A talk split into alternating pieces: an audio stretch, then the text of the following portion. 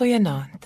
Dit is heerlik om verder te kan dink en te kan uitvind wat die vreemde dinge is wat mense Google. Ek is baie gelukkig in my werk om nie gereeld in die verkeer hoef vas te sit nie.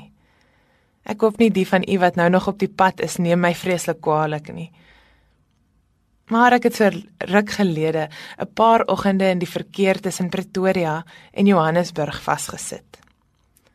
Hoewel hulle meen dat die verkeer in die Kaap blykbaar erger is, dink ek beslis daar is veel meer mense op die Gautengse paaie. Ek het my heel oggend in die verkeer gesit en verstom oor al die duisende mense om my op die pad. Dit het later begin voel asof ek in 'n see van robotte sit. Dis nou nie verkeersligte nie, maar mense en almal is maar net in hulle voertuie op pad werk toe. Net om vanmiddag maar weer in hierdie verkeer op pad huis toe te sit. Ek het skielik hardop gedink. Ek dink nie dis wat die Here vir ons gewens het toe hy ons geskep het nie.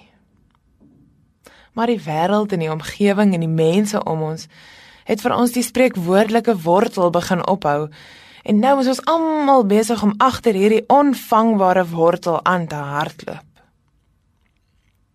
Daarom erken mense teenoor Google ek voel onsuksesvol. Terwyl die psalmdigter in Psalm 139 vers 17 en 18 ons herinner dat ons kosbaar is vir God. Hoe wonderlik is u gedagtes vir my o God. Hoe magtig hulle almal as ek hulle wou opnoem. Hulle is meer as wat daar sand is. En as ek daarmee klaar is, sou ek nog steeds met u te doen hê. Ons het mekaar gisteraand daaraan herinner dat ons goed genoeg is in God se oë. God skep ons met spesiale gawes en 'n roeping op hierdie aarde. En dan droom hy daaroor vir ons. Leef ons met daardie wete en verwagting? Of meet ons ons sukses aan die wêreld en hoeveel ure ons in die verkeer vassit?